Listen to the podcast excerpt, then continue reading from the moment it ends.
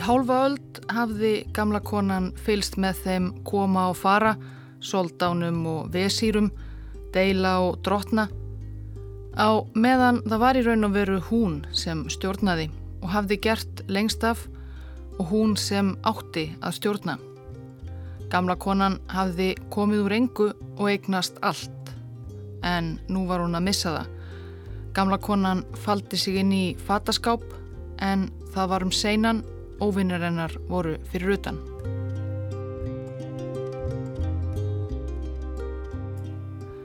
Ágæti hlustandi við skildum síðast við Soldánshöllina í Istanbul þar sem fataskáp þennan var að finna um árið 1603. Þá var að koma sér fyrir nýji soldánin Ahmed I aðeins 13 ára eftir miklar sviftingar í soldánsveldinu síðustu árin.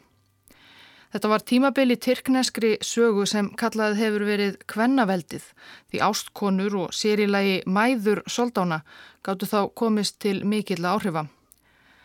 En Ahmed fyrsti misti svo mjög ungur móður sína en svo kom reyndar kona í hennar stað.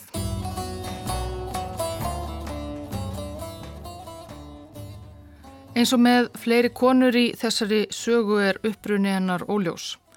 Svo kenning sem lengst hefur lifað er að hún hafi verið fætt um 1589, grísk preststóttir frá Tínos í Eiahavi og hafi eftir vil verið skýrð Anastasia. Einhvern veginn lendi hún svo í höndum þrælasala og einhvern veginn hafnaði hún 15 ára eða svo í kvennabúrinu í Soldánshöllinni í Istanbul þar sem einn ungi nýji Soldán fekk fljótlega augastað á henni. En það var hún samkvæmt frásögn fenisks erindreka kona mikillar fegurðar og kænsku og þar að auki hæfileika rík. Hún syngur frábærlega og hún er sérstaklega ástkær konunginum. Anastasia eða hvað hún hétt fekk nafnið Mappeikar þegar hún kom í kvennabúrið Tunglandlitt, það vísaði til fegurðar hennar. En þegar Ahmed Soldán kynntist henni fannst honum nafnið ekki fara henni. Það var svo miklu meira í hennar spunnið en bara útlitið. Því stakk hann upp á að hún erði nefnd Kösem, það þýðir einlega fóristu kind á fornari tyrknesku. Svo mikla leðtoga hæfileika hefur hún strax sínt táningsstúlkan í kvennabúrinu.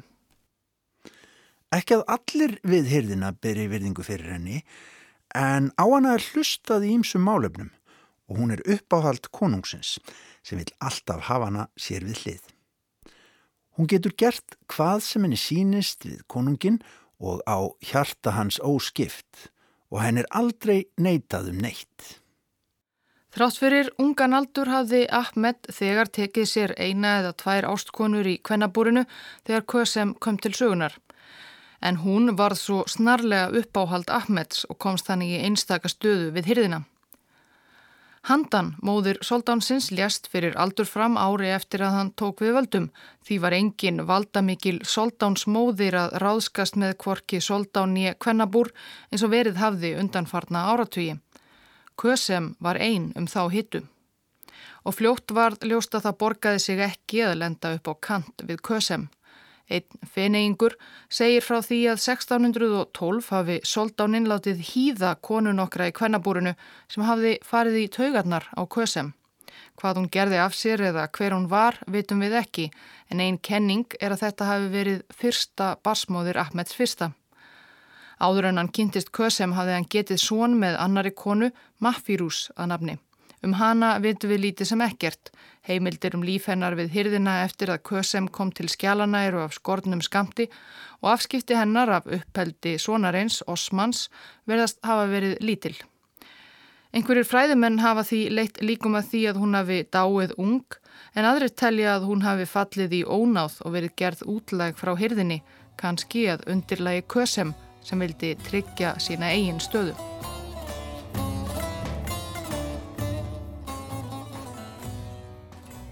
Umsvið Ahmeds fyrsta sem Tyrkja Soldáns voru svipuð og forvera hans. Hann stóði í stríðum við Safavítana í Persíu eins og svo oft hafi verið gert áður.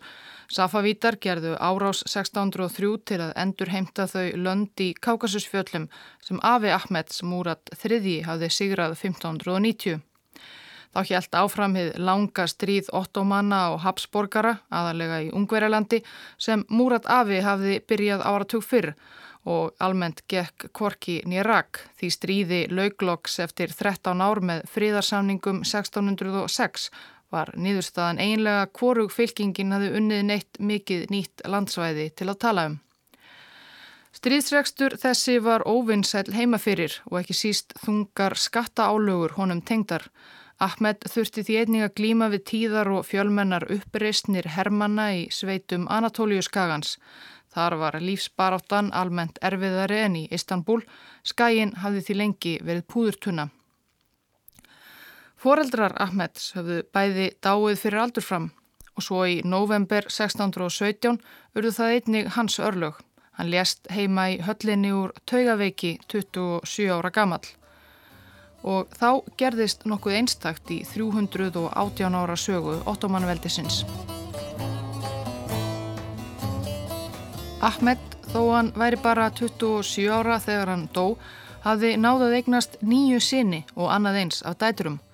Sinitnir voru þó allir á barsaldri en sá elsti, Osman, sem jafnframt var sá eini sem vitað er með vissu að var sonur hinnar dularfullu fyrstu ástkonu Ahmeds, Maffirús, Hinnir voru að líkindum flestir eða allir sínir Kösem. Hann var orðin 13 ára, jafn gamall og fadir hans var þegar hann tók við soldánsdómi. En þó var það ekki Osman sem var falið að taka við af föður sínum, heldur kom nú til sögunar yngri bróðir Ahmeds, Mustafa. En svo reyfað var í síðasta þætti hafði Ahmed ákveðið, eða einhver ákveðið fyrir hann, að Mustafa yrði hlýft við hinnum hefbundnu örlugum tyrkneskra soldánsbræðra að vera kirktur eða komið fyrir Katarnef á annað hátt. Og nú var röðin sem sé kominuð honum. Þó allt sé þetta óljóst, sagnareitarar hirðarinnar voru ekki margorðir um þessa merkilugu ákverðun. Það var síðari tíma fræðimenn leitt líkum að því og þessa kenningum og reyndar einnig finna í brefum fenisku erindrekana tít nefndu að mögulega hafi þetta allt verið runnið undan rivjum kösem. Því hefði öllum hefðum verið fyllt í þetta skiptið hefði Osman Littli, sonur Maffírús, komist til valda og hefði þá mögulega látið myrða bræður sína síni kösem. Með því að vela Mustafa til valda bjargaði hún lífi svona sinna.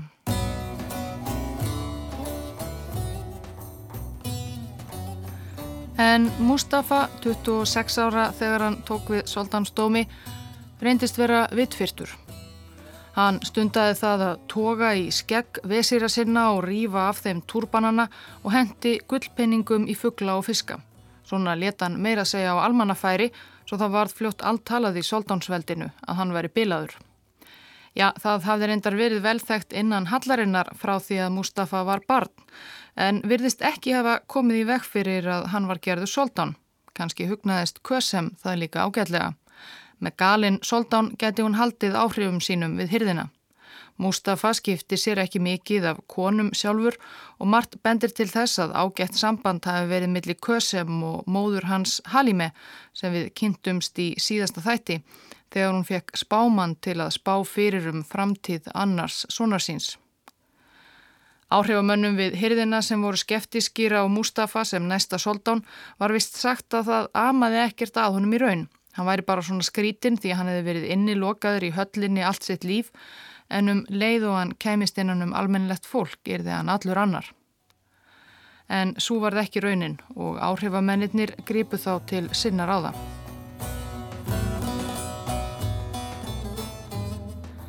Það var einhver tímanum þessar myndir í upphafi 17. aldar sem kannski má segja að hinn langa, langa hnignun ottomanveldisins hafi hafist.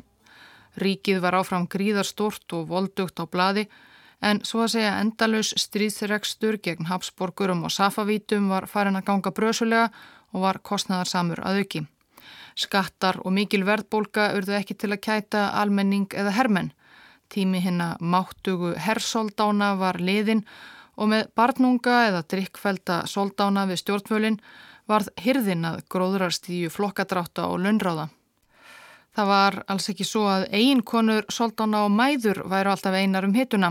Vesýrar og ráðgjafar keftust líka um völdin, klerkar og trúmenn og þeir sem voru gjarnan meðal valdamestu manna hyrðarinnar við hlið soldánsmóðurinnar svörtu yfir geldingarnir. Laung hefðu var fyrir því að geldingsþrælar syndu þjónustustörfum í kvennabúrinu og á síðari árum höfðu þessir geldingar að mestu verið svartir drengir frá Núbíu í sunnanverðu Egiptalandi.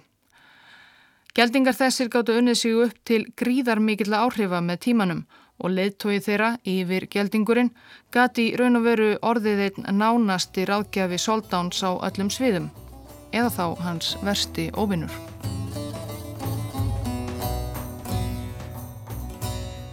Februar morgun 1618 og meðan Tyrkneska ríkisráðið fundaði um launamál í höllinni let svarti yfirgeldingurinn Mustafa Aga læsa nafna sinn, soldánin Mustafa I, inn í klefa í kvennabúrunum. Mustafa Aga var einn aðsópsmesti yfirgeldingur Tyrkneskra sögum. Ekki er mikið vitað um æfi hans en hann hefur verið orðin nokkuð fullorðin þegar þarna var komið sögu, má ætla. Hann hafi raunar verið farin á eftirlaun eftir farsælan feril í kvennabúrinu, fluttur heim til Egiptalands en snýri aftur á valdatíð Ahmeds fyrsta og náði þá aðstu geldingstign. Þarna, þegar bara voru liðnir af soldánstíð Mustafa Galna, þrýr mánuðir og þrýr dagar, verðist yfirgeldingurinn og áhrifamikill klerkur og flótafóringi hafa tekið höndum saman um að koma brjálæðingnum frá. Í næsta herbergi við fundarsal ríkisráðsins beigð elsti sonur Ahmeds fyrsta sem gengið hafi verið framhjá við soldánsvíslu Mustafa. Þegar öruglega var búið að læsa föðurbróður hans inni, leittu valdaránsmenn hann fyrir ríkisráðið og dubbuðu hann upp sem soldán, Osman Annan. Sá fyrsti auðvitað sem bar þetta nafn var Osman Sáer stopnaði ríkið á 13. öld og Ottoman veldið var kent við. En þessi Osman var 14 ára og föðubróður hans átti eftir að dúsa ansi lengi í klefa sínum í kvennabúrinu.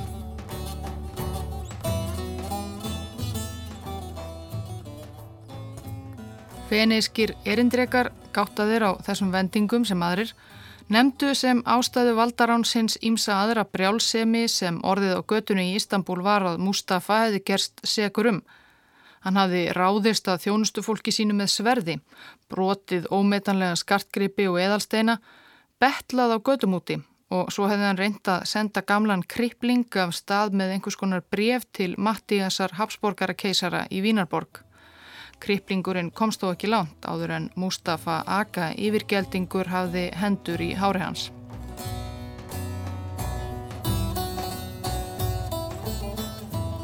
Osman Annar hinn ungi er með umdeldari soldánum í langri sögu Tyrkjaveldis. Vil samtíma heimildum ber ekki saman um margt varðandi æfi hans og feril. Enda var loftið við hyrðina þarna orðið svo læfi blandið að líklega var engum treystandi. En þrátt fyrir ungan aldur virðist Osman þó fljótt að byrja að láta til sín taka. Hann fór fljótt að klæða sig undarlega í einlitt einföld klæði frekar en ríkmannleg litrík silki eins og soldána var síður, nokkuð sem mörgum við hyrðina fannst óþarfa tilgerð í drengnum. Og hann var alls ekki sáttur við það hvernig forverar hans höfðu leikið soldánsveldið kyrsetu soldanarnir svo nefndu sem höfðu setið og getið og drukkið og haft að náðugt í höllinni í stað þess að fylgja herjum sínum um heiminn. Og í einu öðru fylgdi Osman hefðinni. Í gær þá fyrirskipaði soldánin að Mehmet bróður sinn sem var nálagt honum í aldri skildi kyrtur. Hann var jarðsettur í nýju moskunni. Þessi atbyrður er mjög óvæntur. Engin veit hvort þetta var ákvörðun soldánsins eins eða með öðrum í ráðum. En eins og er virðist þetta táknum að soldánin sé á leið í stríð. Þetta skrifaði feniskur erindriki í janúar 1621 og viti menn, soldánin var á leið í stríð. Í mæ 1621 laði Osman hinn ungi þá 16 ára að stað frá Ístanbúl með 120.000 manna herr, hann sjálfur í stafni eins og hafi tíðkast á gömlu gullaldarárunum. Ef til vill hefur hann óttast að á meðan hann væri í burtu myndu einhverjur óvildar menn notfæra sér hálbróður hans Mehmet til að steipa honum á stóli. Örugast að drepa hann bara. Sérstaklega kannski þar sem móður Mehmets var einhver versti plottarinn við hyrðina og var enn þó að nú gengdi hún engri formlegri stöðu. Jú, hún kösem okkar. Frettir af dauða elsta sonar urðu öruglega ekki til að kæta hana mikið. Hún gæti þó glaðst yfir því að soldánin hafði að minnstakosti hlýft yngstu bræðrum sínum.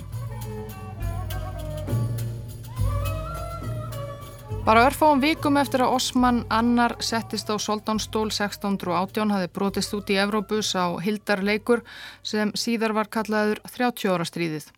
Aðkoma Tyrkja þeirri styrjöld var lítil og óbein en Osman vildi enguað síður í stríð.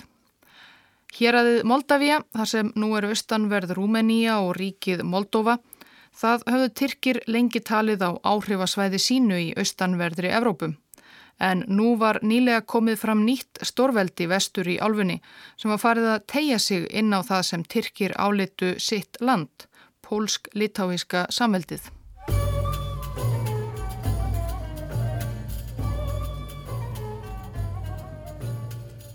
Fannst Osman réttast að lækka rostan í pólverjunum og það var þangað sem hann hjælt með hersinn að virki pólsk-litáíska hersins það sem heitir Kótín við bakka áreinar Dnjestr.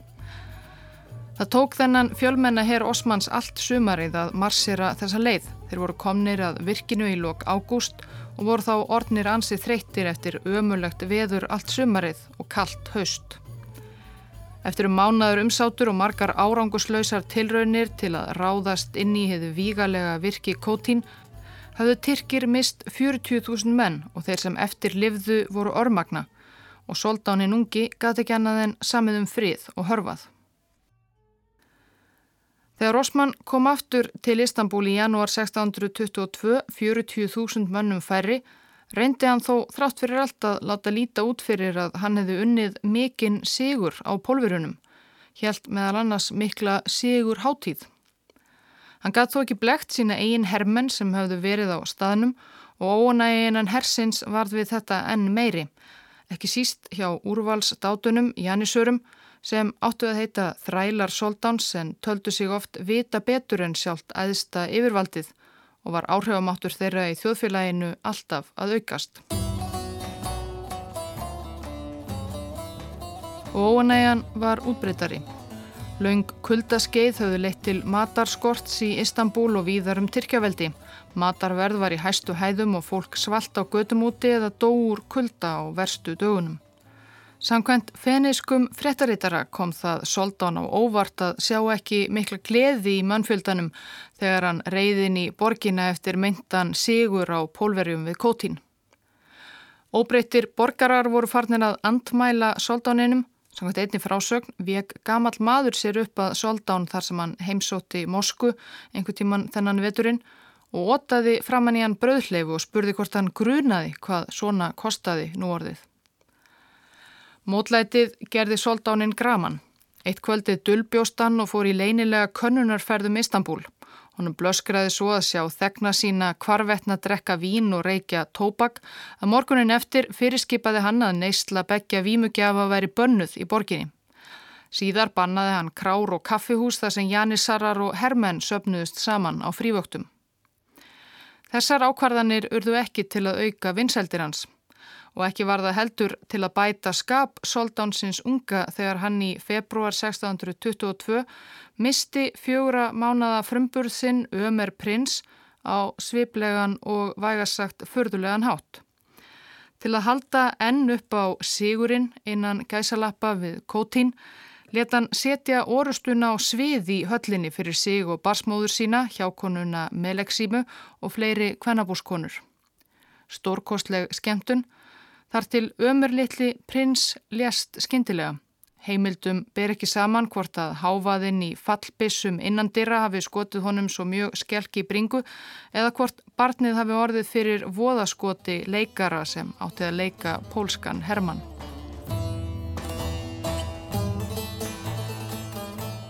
Um svipaleiti í ársbyrjun 1622 tilkynnti Osman Annars og upp úr þurru að hann hýðist fara í pílagrímsferð til Mekka fyrstur Tyrkjasóldóna. Ráðgjöfum hans fannst þetta henn mest að fá sinna og reyndu að telja hann af ferðinni, meðal annars með þeim rökum að hann hlitið að vera nógu heilagur maður nú þegar sem aðsti maður mesta heimsveldis múslima. En Osman let sér ekki segjast veriðst vera og 18. mæ 1622 ætlaði hann að leggja af stað með fáment lið Hermanna yfir Bosporusundið til að ferða svo landliðina þvert yfir Anatóliuskaga. Það varð ekki af þeirri ferð, þennan sama dag gerðu hermenn í Istanbul uppreist. Samkvæmt frásögnum sjónarvotta í borginni þennan dag söpnuðust bæði Janissarar og Rittarar Soldáns saman á torkinu þar sem áður var skeiðvöllur Konstantinópel.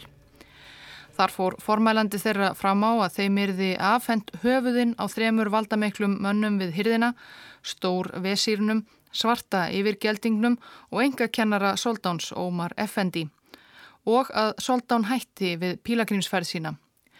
Uppresnamennir töldu pílagrímsferðina nefnilega yfirskín. Soldáninn ætlaði að leita á náðir sveitahermana í Anatóliu og kæfa niður hinn að mektu Janissara höfuborgarinnar eins og hann hafi látið loka kaffihúsum þeirra. Soldáninn að pakka heima í höllinni fjálst á að hætta við ferðina en neytaði að forna þessum þremur ráðgjöfum sínum. Svo að morgunin eftir, 19. mæ, streymdu Janissarratnir og Rittarratnir í reyðisinni að Soldánshöllinni þar sem var fyrir fjöldinallur af hermönnum og hallarvörðum sem höfðu samúð með málstað þeirra. Þeir opnuðu hliðin og hliftuðu minn. Einrásamennir stemdu fyrst á kvennabúrið og bygginguna þar sem fyrverandi Soldán Mustafa Galni hafi þá verið innilokaður í fjögur ár. Við viljum Mustafa Soldán, kyrjuðu þeir. Það var allt kyrfilega lokað en þeir fóru upp á þakk. Sjónarvottur segir frá. Á meðan mannfjöldin boraði í gegnum kvólþakið, skutu þjónar örfum sem fóru beint í gegnum fólkið og rifuð það í sundur. Þeir sem stóðu á þakinu brutu sér leið í gegn en það var ofhátt að stökka niður. Þegar ekkert reypi fannst skáruður snúrurnar af gardinunum í fundarherbyggi vesýrana og þrýr janissarar og þrýr rittarar bundu um sig snúrurnar og sigu niður. Þar krupu þeir við knið Mustafa Soldáns. Svo bundu þeir snúru utanum Mustafa og hýfðu hann upp sömu leið. Einhverjir innráðsarmanna fundu stórvesýrin og yfirgeldingin og hökkuðu þá í spað. En þeir lögðu ekki í að ráðast inn til litla frænda Mustafa sjálfs Soldánsins. Uppreysnamenn hörfuðu um sinn og tóku Mustafa með sér, eflust ansi ráðviltan, í herbúðir Janissara hinum einn við Bortbórusundið þar sem þeir útnemdu hann Soldán á nýjanleik.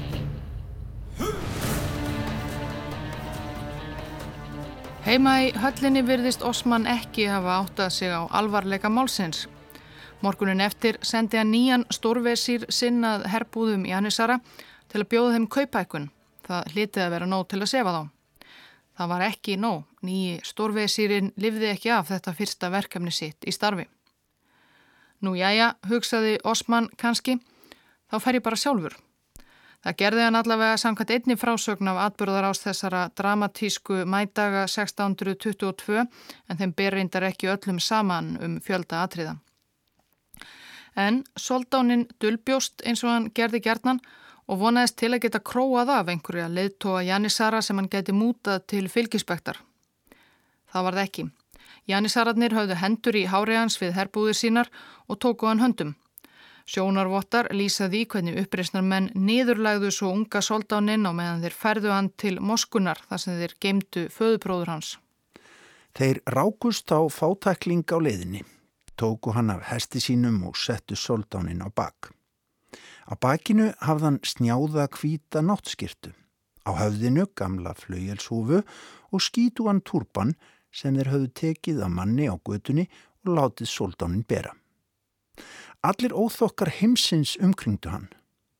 Um blótsirðin og fyrirleitlega hegðun þeirra get ég kvorki mælt nýja skrifað. Inn í moskunni stremdu tár niður kinnar Osmans annars soldáns og hann baðst olmur fyrirgefningar á glæpum sínum að hafa lokað kaffihúsum Janissarana og lagt á ráðinn gegn þeim. Hann reyndi líka að benda á að það veri fásinna að setja Mustafa föðubróður hans aftur á soldánstól.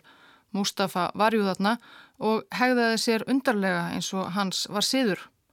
Janisararnir reyndu að halda honum föstum í bænakrók moskunar en hann var sífælt að rýfa sig lausan og hlaupa út að glukka þegar hann heyrði einhvern skarkala fyrir utan eins og barn. Allt kom þú fyrir ekki fyrir Osman.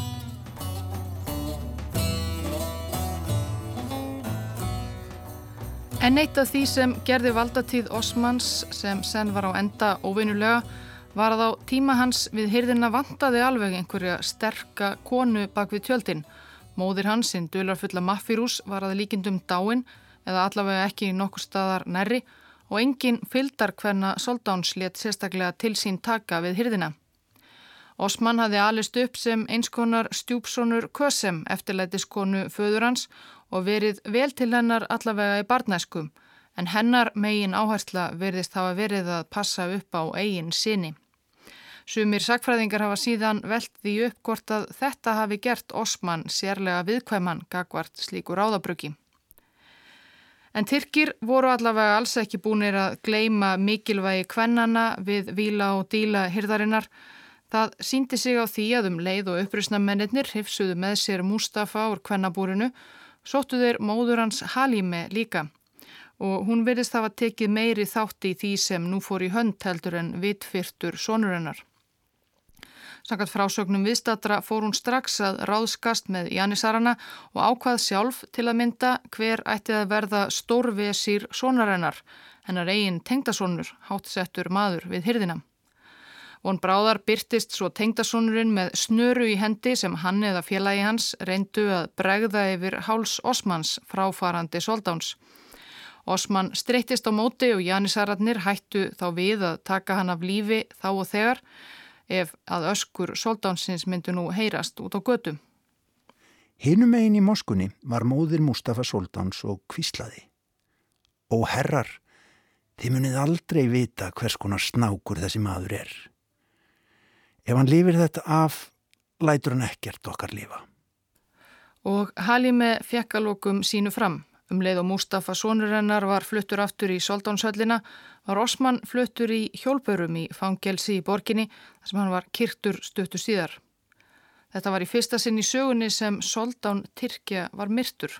Nákvæmlega hver myrti hann hefur aldrei verið upplýst. Hann hafi verið völd í fjögur ár og fjóra mánuði. Hann var ekki orðin átján ára. Morðingi hans skar af honum nefið og annað eirað og let færa Soldáns móðurinni Halime.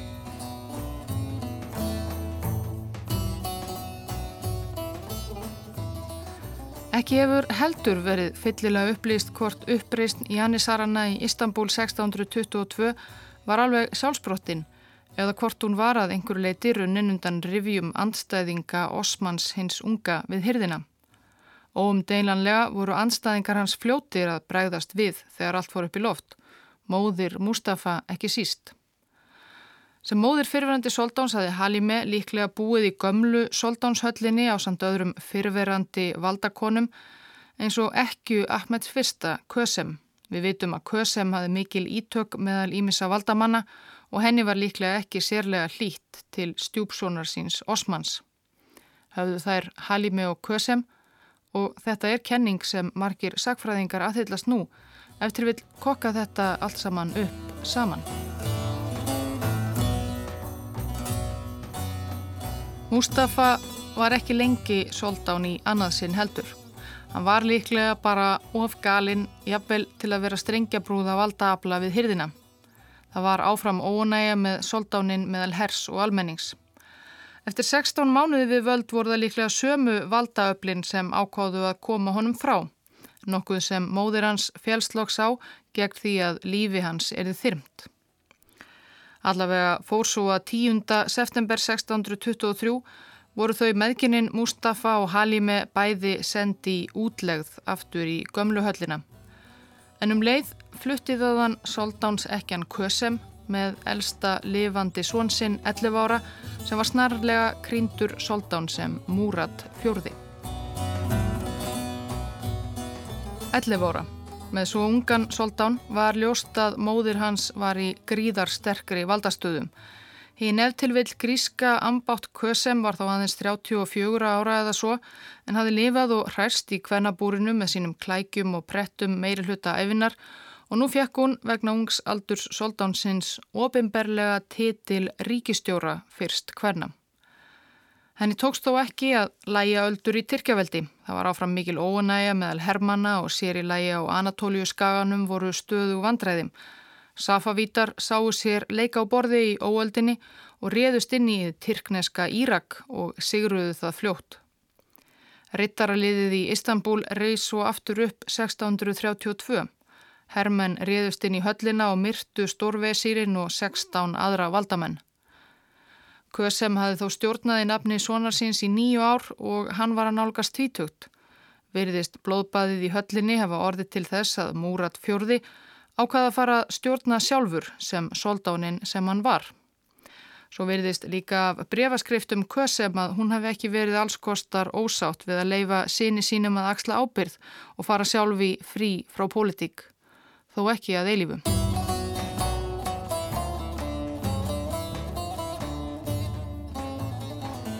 Múrat fjörði ítti 1632 til hliðar ekki bara móður sinni heldur einnig vesýrum og geldingum og öðrum undirlægum og tók sér í raun allræðisvald. Hann reyndist og hinn versti harðstjóri. Hann fór um Istanbul í dulargerfi líkt og frendi hans Osman Annar hafi gert og leti leggja dauðarefsingu við broti á áfengis og tópaksbanninu í borginni. Hann vildi líka vera hersoldán og náði betri árangri þar. 1639 tókst honum að rekja Safavíta burt frá Írak og samti við þá varanlegan fríð eftir nær linnulegs stríð í hundrað ár. Árið eftir lést hann svo úr skorpulifur. Hann virðist ekki hafa hlýtt eigin áfengisbanni, bara 27 ára gamal. Hann hafði þá eignast tíu sinni en ekki einn einasti hafði lifað lengur en örf á ár. Það var því að leita annað eftir eftirmanni hans.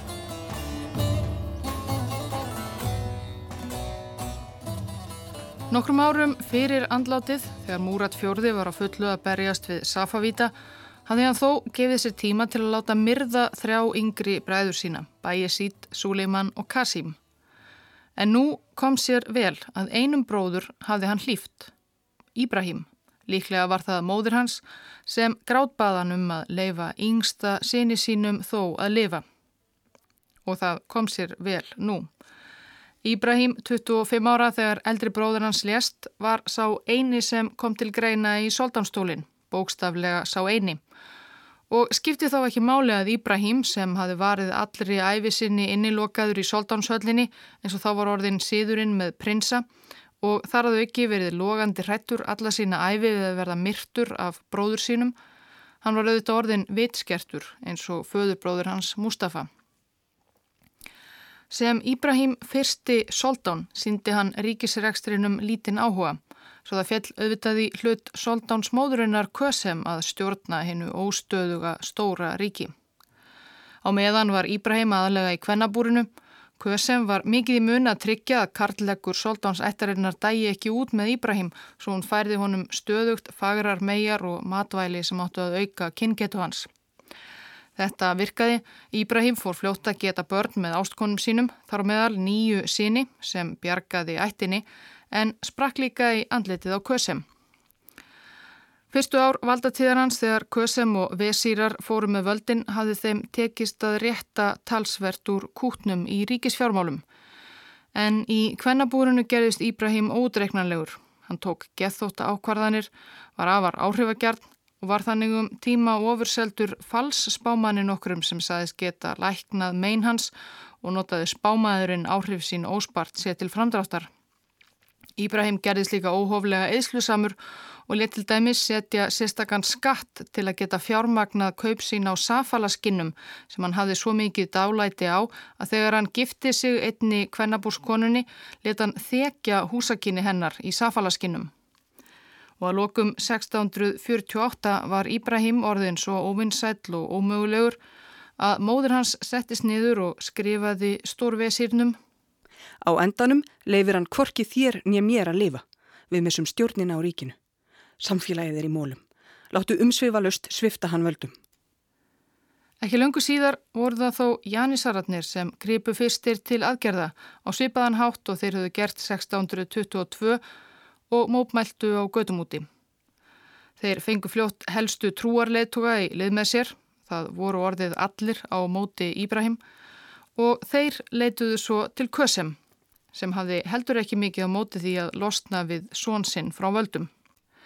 Svo að 18. ágúst 1648 var Íbrahim fyrsti Tyrkjasoldán færður af hyrð böðlinum út í Hallargarð og kirtur og meðan vesírar og pótintátar fyldust með úr glöggunum fyrir ofan. Þetta var annað soldánsmorðið á aldar fjörðungi. Sagan segir að Kösem hafi svo komið fyrir ríkisráðið með sex ára sonarsón sinn Mehmet og sagt, hér er hann, drengurinn, takið hann.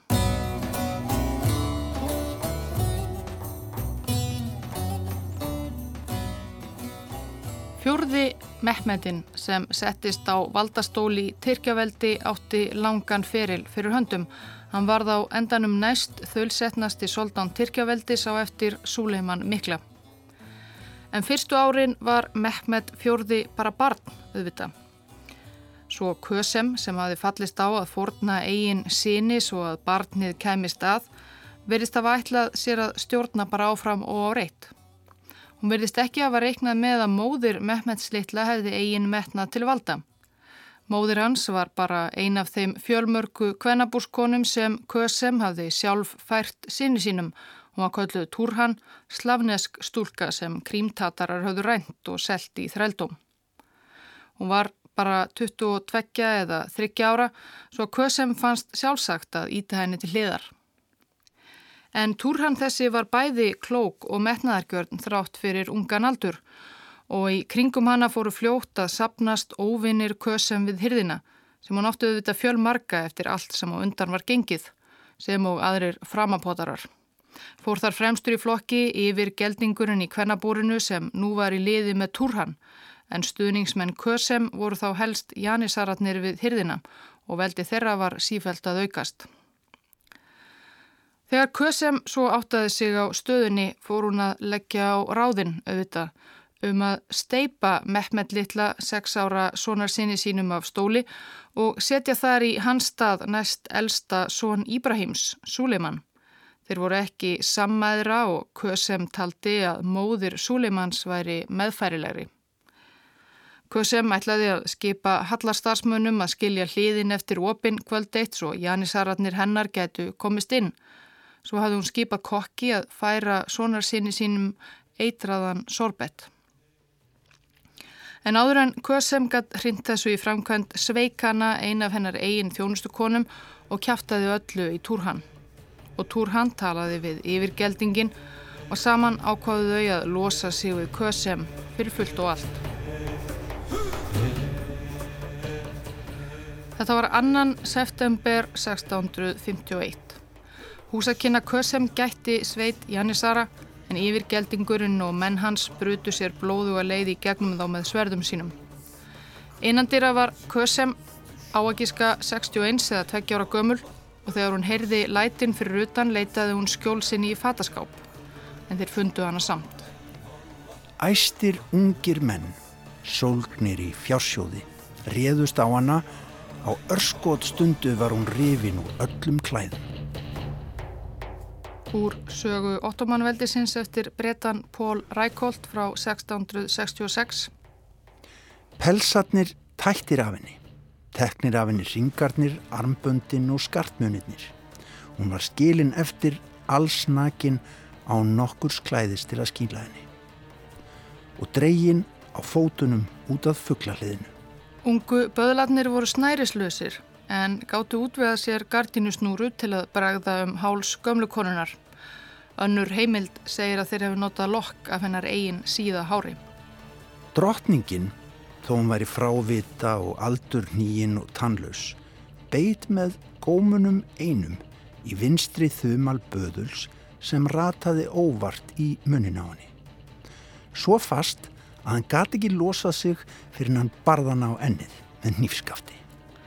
Kösem hafi verið næri hálfa öld við tyrknesku hyrðina og lifað tíð sex soldána, þar af einmann, tvo sinni og sonarsón. Sangvað Tyrkneskum sagnarittara tók það því ofinbera aðra hálfa öld eftir dauða hennar að koma böndum á ríkidemi hennar, landaregnir og fjársjóði um allt heimsveldið. En hún hafði líka alltaf gefið ríkulega til góðgerðarmála. Þeir voru fjórir um að kirkja hana, en verandi svo ungir erfiðuðu þeir lengi.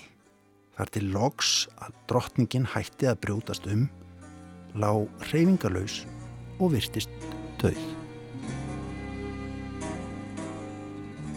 Svo þeir rópuðu, hún er dauð, hún er dauð og hlupuðu af stað að færa hans hátegn fréttinnar. En þeir voru varla úr auksín þegar drottningin settist upp og snýri sér við. Þá var kallað á böðlana aftur og snúrunni brúðið um hálsennar í annað sinn. Nú svo fast að hún loksins geispaði gólunni.